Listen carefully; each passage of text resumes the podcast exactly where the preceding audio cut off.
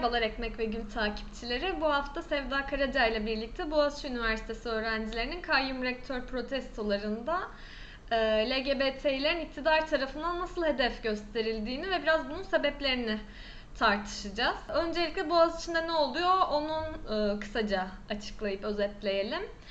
E, Melih Bulu 2 Ocak'ta Cumhurbaşkanı Erdoğan tarafından Boğaziçi Üniversitesi'ne rektör olarak atandı ve bu üniversitede büyük bir tepkiye sebep oldu ve e, Boğaziçi Üniversitesi öğrencilerinin rektörlük önündeki eylemleri başladı. E, ve e, aslında yaptıkları ilk protestodan itibaren öğrenciler sürekli polisle karşı karşıya getirildi. Sürekli onlarca öğrenci gözaltına alındı. Bazıları için tutuklama talebi geldi. Ee, geçtiğimiz cuma günü de öğrenciler tarafından hazırlanan bir sergideki bir resim üzerinden e, halkın bir kesiminin benimsediği din değerleri alinden aşağılamak sebebi gösterilerek iki öğrenci tutuklandı. Bunun üzerine üniversite öğrencileri e, hem bu tutuklamaları hem polis şiddetini e, protesto etmek için pazartesi günü yine üniversitelerine protesto eylemi çağrı yaptı. Bu protesto eyleminde 159 tane öğrenci gözaltına alınırken e, aslında çok ciddi e, bir polis şiddetini de görmüş olduk öğrencilere karşı ve salı günü de öğrenciler e, aşağı bakmayacağız diyerek yine sokakları doldurdu. Bu sadece İstanbul'da değil, aynı zamanda birçok farklı ilde, e, farklı üniversitelerin öğrencileri de, farklı demokrasi güçlerinin de çağrılarıyla eylemler yapıldı. Boğaziçi Üniversitesi öğrencilerinin ve Demokratik Üniversite talebi için bu mücadeleye katılan herkes de aslında bu süreçte iktidar kanadı tarafından hedef gösterildi. Terörist ilan edildi, sapkın ilan edildi. Ee, Boğaziçi direnişinin ilk zamanlarından beri de LGBT öğrencilerin hedef gösterildiğini ve gösterilmeye devam edildiğini de görüyoruz. Siyasiler tarafından yapılan açıklamalara baktığımızda da Şimdi biraz bu iktidarın yaptığı açıklamalara da bir göz atalım ama öncesinde biraz bu söylemlerin e, sebebiyet verdiği birkaç pratiği de göstermek lazım. LGBT ve Kadın Araştırmaları Kulübü'nün kilitleri değiştirildi. Öğrenci kulüplerinin odalarına operasyon yapıldı. E, Birçok öğrencinin gözaltına alınmasında LGBTİ bayrağı taşıması sebep gösterildi. Bu şekilde tabirler e, gerek rektörlük gerek e, gözaltı açıklamalarında yapıldı. Ve aslında biraz bu e, yaklaşımla da Boğaziçi Üniversitesi öğrencilerinin taleplerini boğmaya çalışan söylemler sıkça üretildi ve sonuçları da bu şekilde doğdu ve devam da ediyor. Şimdi bu sergi sonrası İçişleri Bakanı Soylu gözaltına alınan, gözaltına alınan 4 kişi LGBT sapkını olarak tanımladı. Bundan sonra Cumhurbaşkanı Sözcüsü İbrahim Kalın da e, öğrencilerin yaptıkları sergideki eserleri sapkınlık olarak tanımladı. Ee, aynı zamanda İstanbul Valiliği de cumartesi günü yaptığı açıklamada operasyon kapsamında Boğaziçi Üniversitesi Güzel Sanatlar Kulübü ve LGBT kulübüne demin bahsettiğimiz aramanın yapıldığını duyurdu ve birer suç unsuru olarak da yani birer suç unsurlarıymış gibi LGBT bayrakları ile eylemlerde kullanılan çeşitli afiş ve pankartların ele geçirildiğini yaptığı yazılı açıklamada belirtti. İktidarın LGBT'leri hedefe koyarak dini değerlerin aşağılanması iddiasını da kullanarak Demokratik Üniversite talebini e, boğmaya çalışmasına aslında CHP'den de destek geldi. Cumhuriyet Halk Partisi sözcüsü Faik Öztürk öğrencilerin yaptığı sergiyi kabul edilemez olarak nitelendirildi ve görünen ve görünmeyen sorunların bir an önce ortaya çıkarılmasını bekliyoruz diyerek aslında öğrencileri devletin eline teslim etti ve hedef gösterdi. Tabi Diyanet de bu işten uzak kalmadı. Diyanet ve Vakıf Çalışanları Sendikası da pazartesi günü LGBT derneklerinin kapatılması ve tüm faaliyetlerinin yasaklanması için İçişleri Bakanlığı'na dilekçe sunacaklarını açıkladı. Soylu yine LGBT'lere karşı nefret suçu içeren ifadelerini devam ettirdi. Biz bu toprakların çocuğuyuz. Bu topraklarda LGBT diye bir şey var mıydı? Bunun toplumsallaşması var mıydı gibi sözlerle de aslında LGBT'leri hedef gösterdi. Ve e, Erdoğan da geçtiğimiz günlerde e, partisinin katıldığı ilk kongresinde partisinin gençlerini kimse ötekileştirmediğini, teröre ve sapkınlığa bulaşmadıkça her görüşe ve fikre saygılıyız diyerek ifade ederken siz LGBT gençleri değilsiniz, kırıp döken gençlik değilsiniz diye de seslendi. LGBT iyilerin en temel haklarının yok sayıldığı bir süreç olarak da geçti bu süreç. Hem e, Boğaziçi Üniversitesi'ndeki direnişi çeşitli değerler, dini hassasiyetler diye adlandırılıp hem halka yayılmış bir öğrencilerle olan dayanışmaya kırma, dayanışmayı kırmaya yönelik bir çabayı gördük. Aynı zamanda da tüm bu yapılan şiddetin, işkencenin, tutuklamaların, polis saldırılarının birçok hukuksuzluğa da bir bahane altlığı olarak kullanıldığını da gördük. Tabii kürsülerden yapılan söylemlere baktığımızda aslında bunlar yeni değil. Peki tüm bu Boğaziçi Üniversitesi'nin direnişiyle birlikte ee, bu nefret söylemlerinin bu kadar arttırılmasını ve böyle kullanılmasını nasıl değerlendirmek gerekir? Evet Elif, olan bitene ilişkin yaptığın özette en öne çıkan şeylerden bir tanesi. Birincisi e, aslında e, Boğaziçi öğrencilerinin e, mücadelenin e, geniş kesimler tarafından bir meşruiyete sahip olması karşısında iktidarın verdiği tepki olduğunu görüyoruz. E, bugün İçişleri Bakanlığı'ndan yapılan bir açıklamada Boğaziçi Üniversitelerine, Boğaziçi Üniversitesi öğrencilerinin eylemlerine dönük polis saldırısını ve gözaltıları protesto etmek için 38 ilde e, halkın sokağa çıktığı e, vurgusunu bizzat bakanlığın kendisi yapıyor. E, bu gözaltılarda 500 aşkın kişi, e, bu e, eylemlerde 500 aşkın kişi e, gözaltına alınmış. Dolayısıyla bir yandan e, İçişleri Bakanlığı eliyle e, bütün bu eylem e, kriminalize edilmeye çalışılırken, teröristleştirilmeye çalışılırken diğer taraftan da ne kadar yaygın bir tepkinin oluştuğu ve ne kadar çok insanın da e, bu eylemleri sahiplendiğini bizzat İçişleri Bakanlığı kendisi açıklama açıklamış oluyor gerçekten de. Boğaziçi Üniversitesi'nde yükselen gençlik hareketi yalnızca bir gençlik hareketi olarak değil aslında pek çok farklı kesimin de desteğini alarak sokakta adeta bir özgürlük, e, bir demokrasi e, mücadelesi etkisinde göstermiş durumda. Galiba tam da buna ilişkin bir e, kaygının, böyle bir genişleme olasılığının ve olanaklarının tam da bu pandemi döneminde var olmasının kendisi toplumun en geri değerlerine seslenerek, en gerici yönlerine seslenerek hani bu geniş etkiyi kırmaya yönelik bir e, hamle olarak görünüyor e, hükümet tarafından. LGBT'leri hedef alarak yapılan nefret açıklamaları ve dini kullanma e, hamlesini böyle değerlendiriyorum ben. Şimdi e, gerçekten de e, bizim LGBT düşmanlığı üzerinden prim yapma, din istismarcılığı hamlesini ilk kez e, kullan, kullanmadığını biliyoruz hükümetin.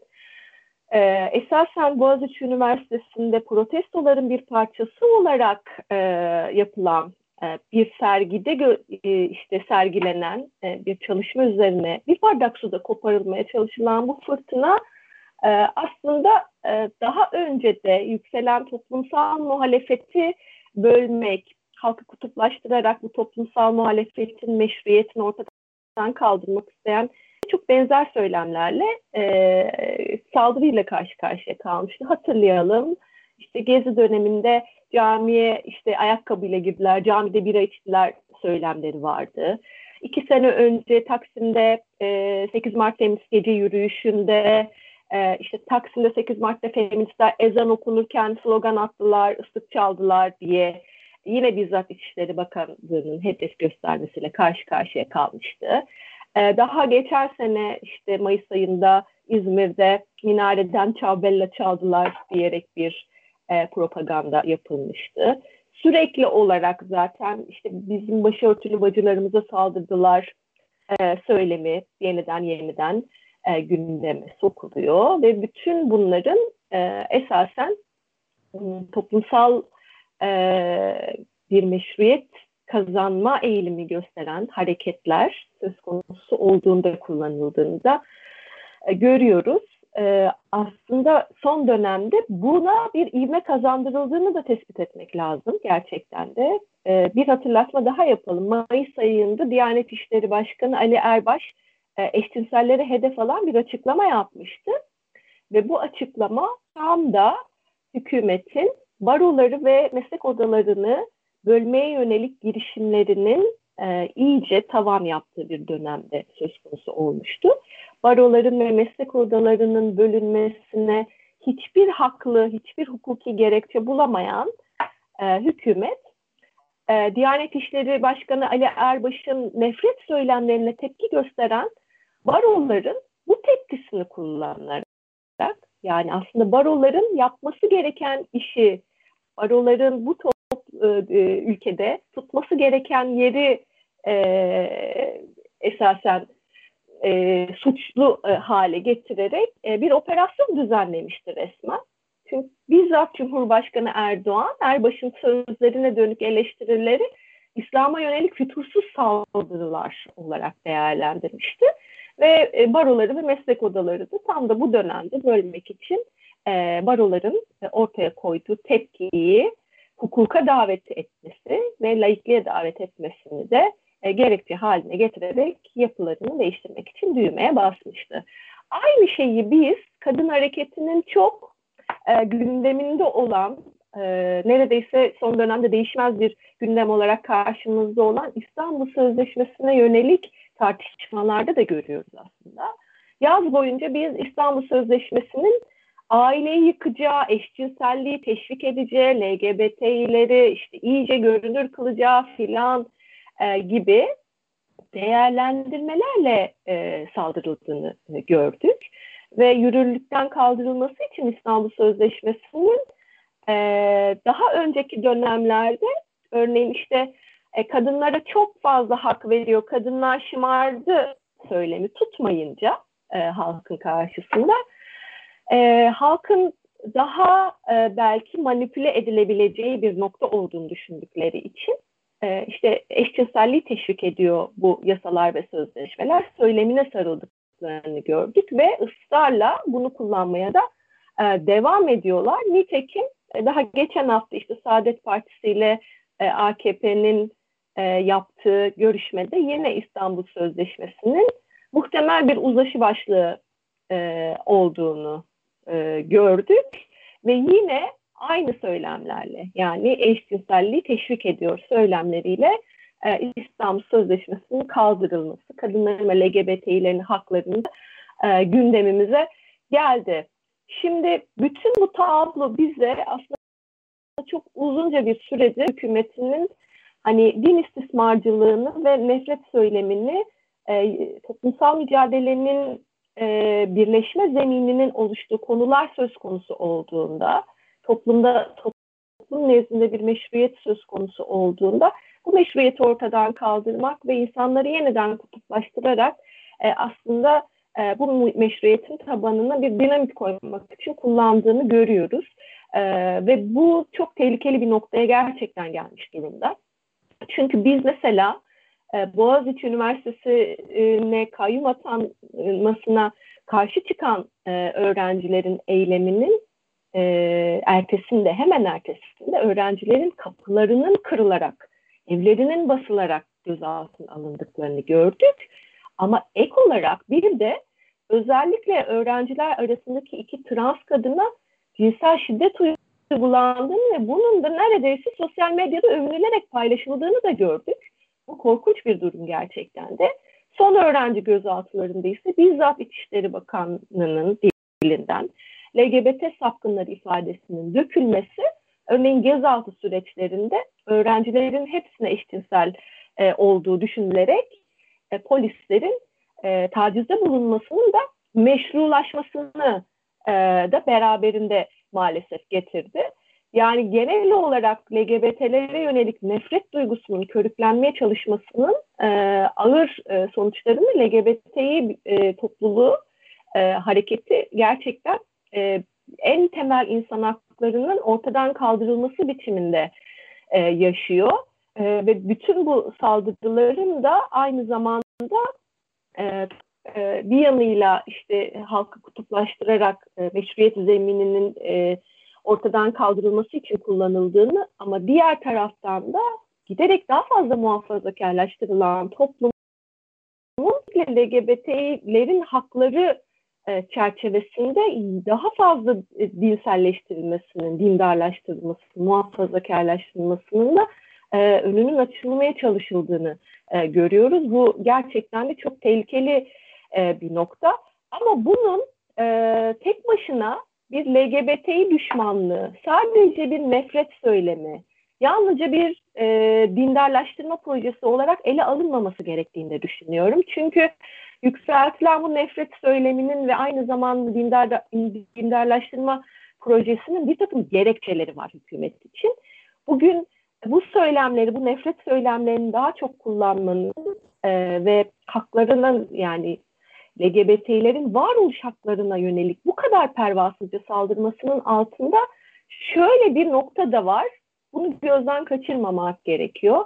Şimdi tam da pandemi döneminde e, özellikle e, hükümeti sermaye dostu iyice ayyuka çıkmışken, işte sıkışmış bir ekonomi varken, e, etkisi iyice hissedilen bir ekonomik kriz söz konusuyken yaşıyoruz bütün, bütün bu süreçleri ve mesela hükümetin başarı söylemlerinin toplum nezdinde, topluma nüfus etmesi noktasında hiçbir etkisinin olmadığı bir süreç bu dönem aynı zamanda. Çünkü çok büyük, büyük bir gelecek endişesi, kaygısı var geniş halk kesimlerinde. Ve bu aslında çok, çok büyük bir endişe ve e, öfke olarak karşımıza çıkıyor ve bir taraftan bu genişleyen öfke ve endişe e, çok birleştirici bir unsur olarak da e, görünür hale geliyor gerçekten de. E işte iktidarını kutuplaştırma üzerinden e, yani toplumu kutuplaştırarak iktidarını sürme, sürdürmekten medet uman e, bir yönetim anlayışı için hani bu genişleyen birleşme zemini gerçekten de çok tehlikeli bir durum. Ve işte bir araya gelme e, koşullarının iyice olgunlaştığı, toplumsal mücadelelerin zemininin oluştuğu, bunun toplum nezdinde bir meşruiyetinin olduğu bugünkü koşullarda aslında bu nefret söylemlerinin bu kadar yoğunluklu olarak kullanılıyor olması en geride olanın bilincine seslenerek bölme girişimin devreye sokulması ile ilgili bir mesele ve bu hiç de şaşırtıcı değil. Üstelik bu durum Türkiye'ye özgü de değil. Yani biz dünyada da örneğin işte artan muhafazakarlık ve gericilikten etkilenen çok geniş kesimlerin aynısı gibi aslında pek çok ülkede işte aile değerleri yıkılıyor, homoseksüelliğin teşviki yapılıyor, gayri ahlaki durumlar meşrulaştırılıyor filan denilerek e, yürütülen kampanya ile bir, e, bu kampanyanın bir parçası haline getirilmeye çalışıldığını görüyoruz. Aslında pandemi, işte krizin yol açtığı yıkıcı sonuçlar, genişleyen öfke, hani başta faşist örgütlenmeler olmak üzere gerici akımlar tarafından hani bir güç toplamak için e, kullanılıyor ve bu güç toplama e, meselesinin en önemli unsurlarından bir tanesi de bu öfkenin e, yöneltilecek olduğu kesimlerin e, en yumuşak karnı olan LGBT'lerin hedef seçilmesi olarak karşımıza e, çıkıyor. Şimdi e, bütün bu süreçte aslında LGBT'ler toplumun zayıf karnı olarak görülüyor. Evet. Ama bir taraftan da bunda yani bunun böyle olmasında nefret söyleminin özellikle LGBT'ler üzerinde yoğunlaşmasında bir taraftan da tabii e, toplumsal muhalefetin, örgütlü güçlerin örneğin LGBT'lerin haklarına ve varoluşlarına ilişkin savunuda çok ciddi bir eksiklik e, taşıyor olması, bunun yeterince gündem etmiyor olmasının da çok büyük bir etkisi var. Yani aslında e, her zaman için e, bir işte e, gemi karaya vuracakken gemiden atılacak ilk kesimler e, arasında LGBT'lerin görülüyor olmasının e, maalesef e, toplumsal muhalefetin e, örgütlü kesimleri bakımından da e, çok bir çok maalesef kötü bir e, yeri hakikaten de var. Şimdi biz bütün dünyada bunu görüyoruz. Bizim ülkemizde, bizim topraklarımızda din istismarcılığı hep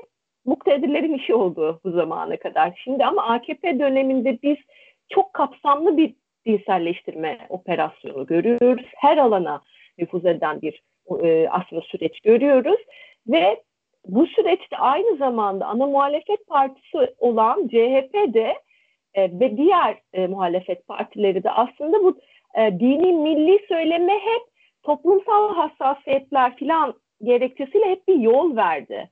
Mesela CHP son açıklamasıyla bile işte Kılıçdaroğlu'nun e, öğrencilerin ailelerine seslenerek e, işte öğrencilerinize sahip çıkın deyip adeta sokağa çıkmayı e, bir suç haline getirmesi e, iktidara step ne olduğunun da bir göstergesi oldu. Hep bir toplumsal hassasiyetler söylemiyle karşımıza çıkıyorlar. Biz çok iyi biliyoruz. Toplumsal hassasiyetler vesaire denilerek muhalefet falan yapılamaz. Yani toplumun inanç ve cinsel yönelimler konusunda aslında bile bile inşa edilmiş yani çok özel bir propaganda eşliğinde üstelik derinleştirilmiş geri fikir ve düşünceleriyle bu gericilikle uzlaşarak ortadan kaldırılamaz. Bir kere bunun çok açık bir biçimde ortaya konması lazım. Şimdi bugün özellikle pandemi koşullarını düşünelim. Nasıl herkes için? Onurla yaşamak, işte onurlu bir biçimde çalışmak, sosyalleşmek, saygı görmek, e, geleceğe umut duymak, hakkı istiyorsak biz, bunu bir insan hakkı olarak tanımlıyorsak, sadece pandemi koşullarında değil, her dönem bu haklardan mahrum kılınmış LGBT'ler için, onların yakınları için de aynı biçimde varlığını ifade etme, onurla yaşama, onurla çalışma, her insanın hak ettiği saygıyı görme haklarının da kullanılabilmesi, yaşanabiliyor olması için aslında e, büyük bir e, birleşik talep ortaya koymamız lazım gerçekten. Yani iktidar, e, onu destekleyen zihniyet, onun stepnesi olan ana muhalefet partileri filan halkın aslında onurlu bir yaşam, geleceğe güven e, duyma, e, huzurla yaşama, eve de ekmek götürebilme derdinin, öfkesinin LGBT'lere yöneltildiği ve bu öfkenin birleştirici unsurlarının en gerici değerlerle altından oyulmaya çalışıldığını e, gizlemeye çalışıyor olabilir.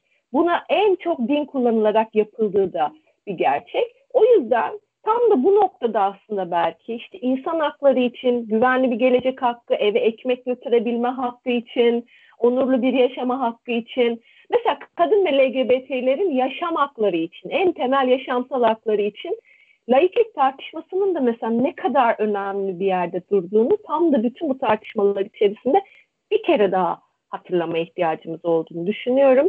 Bütün bu toplam süreç bir yandan nefret söylemiyle dini ayrımcılığın ve din istismarcılığın iç içe geçtiği, bir yandan halkın yükselen öfkesini, öfkesini işte ekmek isteğiyle özgürlük isteğinin, demokrasi isteğiyle iyi bir gelecek isteğinin, işte insan hakları talebiyle örneğin e, yani insanca çalışılacak insanca çalışılacak koşullar, insanca çalış, yaşanacak bir yaşam talebinin de ne kadar iç içe geçtiğini, birbirinden ayrılamaz olduğunu da e, gösteriyor diye düşünüyorum ve bunun zemininin genişlemesinin de e, çok önemli bir veri olduğunu da düşünüyorum. Asıl olarak buraya odaklanmak lazım.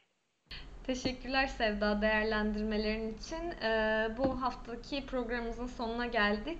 Ee, haftaya e, yeniden gündemi değerlendirdiğimiz programımızda görüşmek üzere. Hoşçakalın. Hoşçakalın.